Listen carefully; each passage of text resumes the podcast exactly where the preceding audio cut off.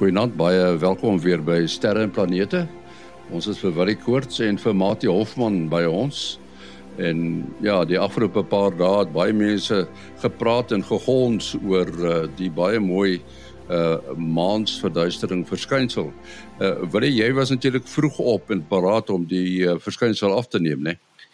Omtrent, omtrent ek het ek het die die vorige dag of twee het ek gou kameras gelaai en uh geheuekaarte leeggemaak en ek het selfs 'n nuwe teleskoop ding aan mekaar geslaan wat eintlik die verkeerdste ding is om te om te om te doen om om 'n taamlike kritieke observasie te doen met met nuwe toerusting jy moet eintlik eers geoefen het. Maar hoe dit ook al sê so ja so in een in een opsig was was ek 'n bietjie teleurgesteld met daai fotos maar daarom my ander ou kamera ook daar gehad met 'n gewone lens en ek het tot met 'n selfoon 'n ding gaan afgeneem en uh, so aan ja baie baie opwindend geweest. Uh dit lyk aan vir my ons ons het heelwat mense bewus gemaak van die van die die die uh verduistering um uh, hierdie Facebook uh, uh, WhatsApp status is mos nou 'n ding wat jy bietjie kan opsit. Ek het selfs daar 'n tabelletjie opgesit en iemand het gesê, "O, ek het dit daar gesien en toe het ek vroeër opgestaan om om te kyk die die die die uh maandagooggend. So ja, nee uh wonderlik die die weer was die groot gedeelte van die uh, land was die weer nogal nie te sleg nie.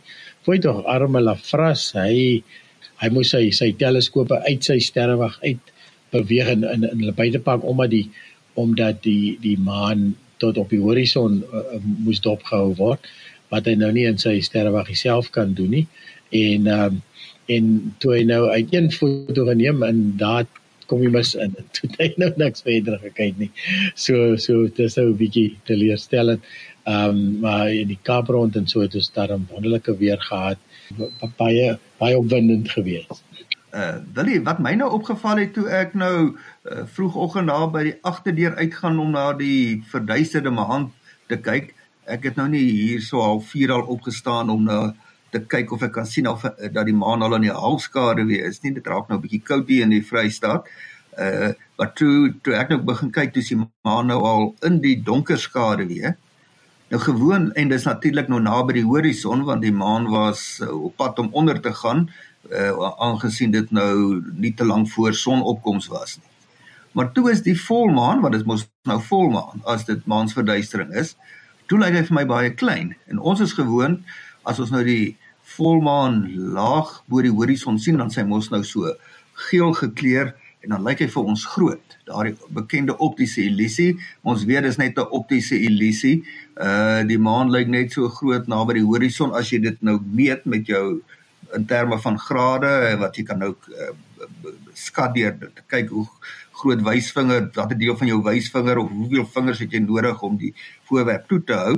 Uh maar die die die verduisterde maan het klein gelyk baie klein, uh, kleiner vir my as die ehm um, uh, onverduisterde maan. Nou ek het nou altyd gedink die ons mens kan die optiese illusie grootliks verklaar deur te sê wel jy sien die volmaan in vergelyking met iets op die horison. En as jy sê nou maar hy's naby in die rigting van 'n boom, dan in die, as die boom ver is, dan kan die maan net so groot soos die boom lyk en jou brein weet die boom is groot al lyk hy klein omdat hy ver is, maar jou brein interpreteer dit die maan lyk groot want hy lyk so groot soos die soos die boom, maar lyk my die helderheid en of die kleur speel ook 'n rol by hoe groot hy effektief ehm uh, vir jou brein hoe jou, jou brein dit interpreteer. Ek weet nie of jy dit ook so beleef het nie.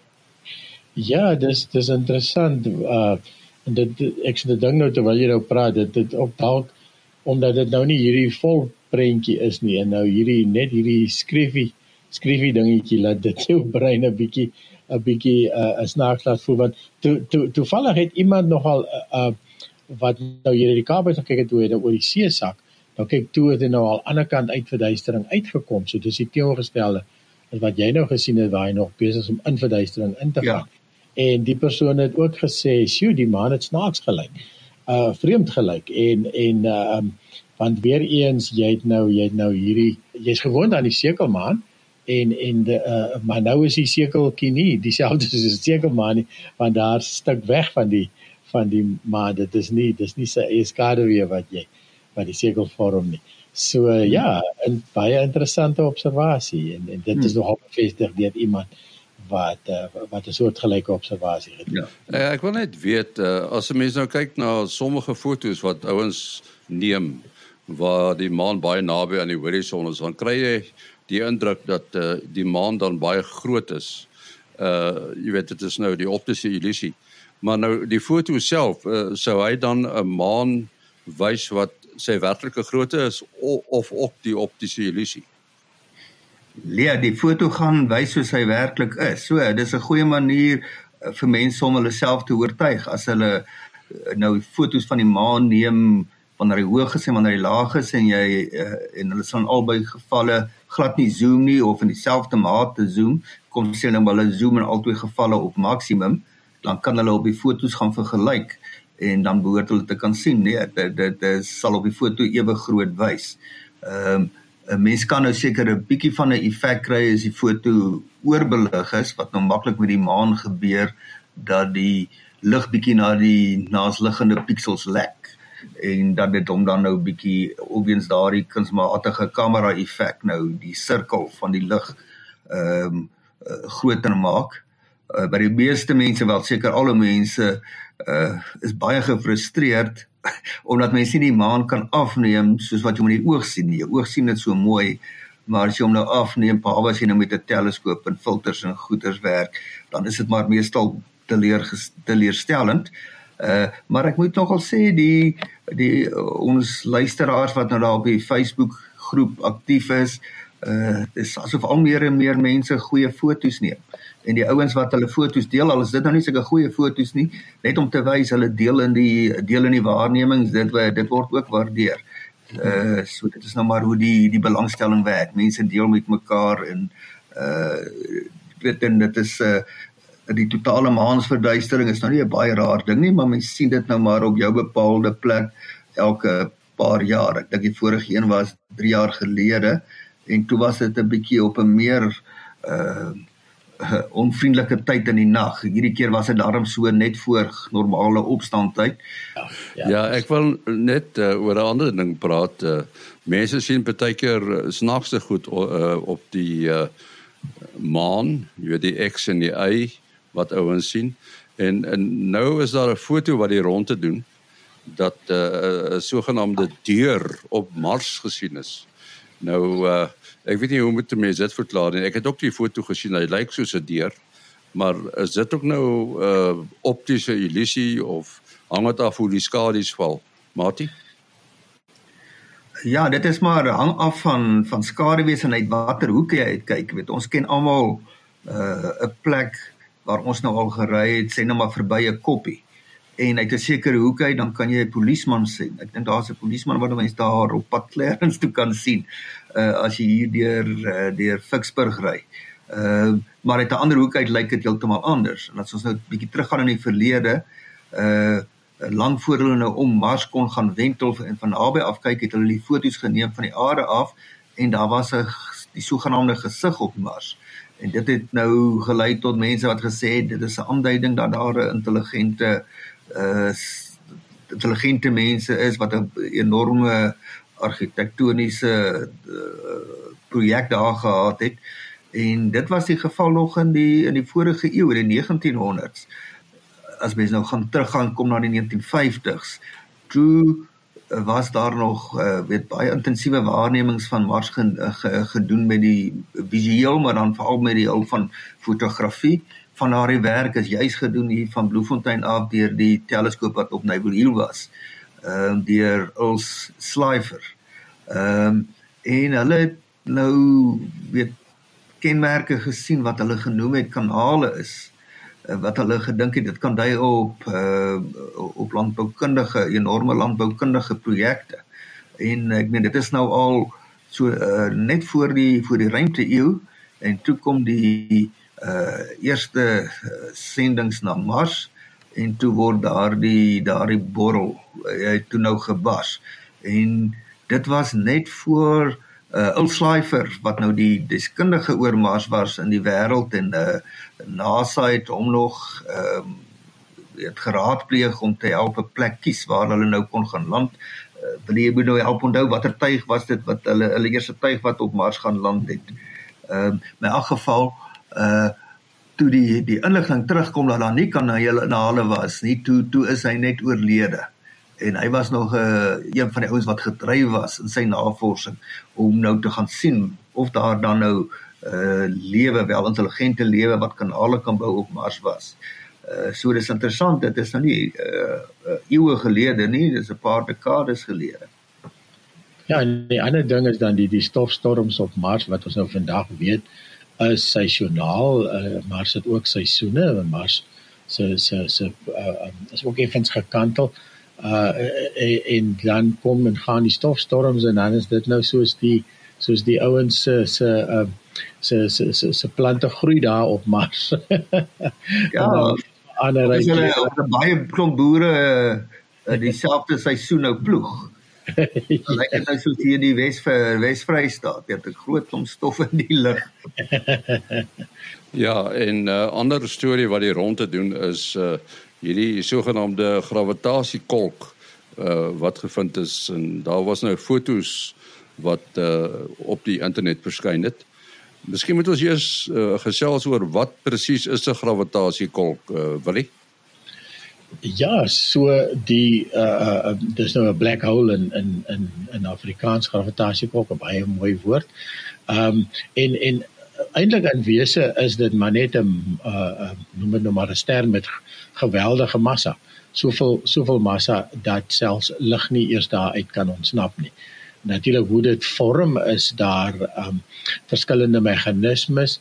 Die mees algemene ene is wanneer 'n ster aan die einde van sy lewe kom, terwyl 'n ster brand, is is hy is daar 'n balans tussen die krag wat die ster uitmekaar uit wil blaas, is want dit is eintlik 'n atoomontploffing.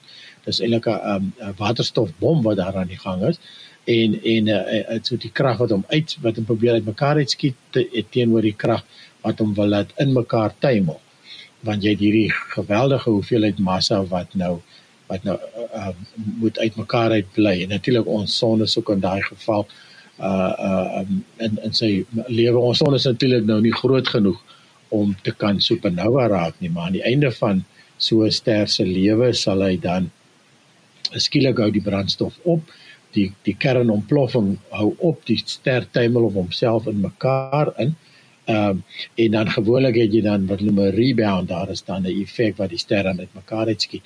Maar wat agterbly is dan ehm um, 'n baie baie digte materiaal. So ons ken dat die atome uh, word eintlik uit mekaar uitgehou word deur elektronwolke rondom hulle. Die word gestroop in hierdie ontploffing. En en dan is dit net die kerne wat by mekaar kom. En dan is dit die neutrone uh wat wat nie mekaar afstoot nie wat dan 'n baie baie klein spasietjie kan opneem. So nou het jy hierdie geweldige digte uh uh voorwerp dit begin gewoonlik as 'n neutronster en as daar nou nog meer materiaal inval en die die uh hierdie ster bou meer massa op en omdat daar nie 'n ontploffing is 'n kernreaksie wat mekaar uithou nie sal sal die ster net inkrimp eintlik en dan al hoe digter raak en dan kom jy by die punt wat wat die ontsnapsnelheid waaroor ons laasweek gepraat het uh, oorskry dan die snelheid van van lig. Uh dit wil sê selfs lig kan nie eers on, ontsnap nie. En en dan het jy natuurlik al hierdie uh uh event horizon uh, gebeurtenis horison uh wat goeie is as daaroor gaan dan dan kan jy dit nie meer sien nie. So die die foto wat nou geneem is is nou die tweede foto die een was was in die in die kern van 'n uh, uh, galaksie ding is M87 gewees. En en hierdie ene is nou in die middel van ons Melkweg. Ehm um, uh, wat ons weet is daar 'n gravitasiekolk en en die, en dit is nou hierdie keer wat daar 'n soort van 'n beeld daarvan gevorm is. Nou die uh, interessant wat ek gelees het hoe kom hulle eers vir uh, M87 probeer waarneem teenoor hierdie ene is uh, die wat eintlik nader aan ons uh, sit in ons ons eie melkweg se kern is nie so ver weg soos M87 nie is uh, omdat die een in die M87 is net baie baie groter. Uh fisies die die die die die grootte van die van die liggaam. So daar het jy uh dit is eintlik effektief makliker om sien dis jy dis byvoorbeeld vir Jupiter deur 'n teleskoop te kyk teenoor Mars. Uh en en dan um maar dis nog een geweldige klein liggaampie as jy as jy nou dink as as jy 1 graad in in in 60 minute indeel en jy vat 1 boogminuut en jy neem hom jy in, deel hom in 60 boogsekondes in en jy vat daai 1 boogsekonde en jy deel hom deur 'n 100 en jy deel hom deur nog eenmal 'n 100 dit is die hoekie wat hy ding onderspan. Dit is geweldig klein. En en natuurlik om so iets te kan waarneem om 'n beeld daarvan te kan kry moet jy 'n teleskoop so groot soos die aarde nodig hê nou uh, uh gelukkig of ongelukkig of gelukkig dan nou eintlik uh um die waarneming uh, doen jy in 'n radiogolf jy doen dit nie in in, in gewone optiese teleskope nie. Uh en om radio skottels te laat saamwerk uh enige plek op aarde uh dan kan jy effektief dan 'n teleskoop maak 'n radioteleskoop dan maak wat so groot is soos die aarde om om die oplos vermoë te kan kry om hierdie hierdie hierdie ligpuntjie waar te neem. So dit is dan natuurlik nou hulle praat van die event die event horizon teleskoop en en dis dan 'n klomp radiosterrewagte wat saamwerk en en dit is iets soos like oor die 300 mense wêreldwyd wat daaraan deelgeneem het verskillende twee van Suid-Afrika hulle was nogal op RC het ek gehoor het hulle met een van hulle gepraat eendag en en wat dan nou deel is van hierdie samewerking om om dit uh, reg te kry. Ja, o, geweldig opwindend eintlik.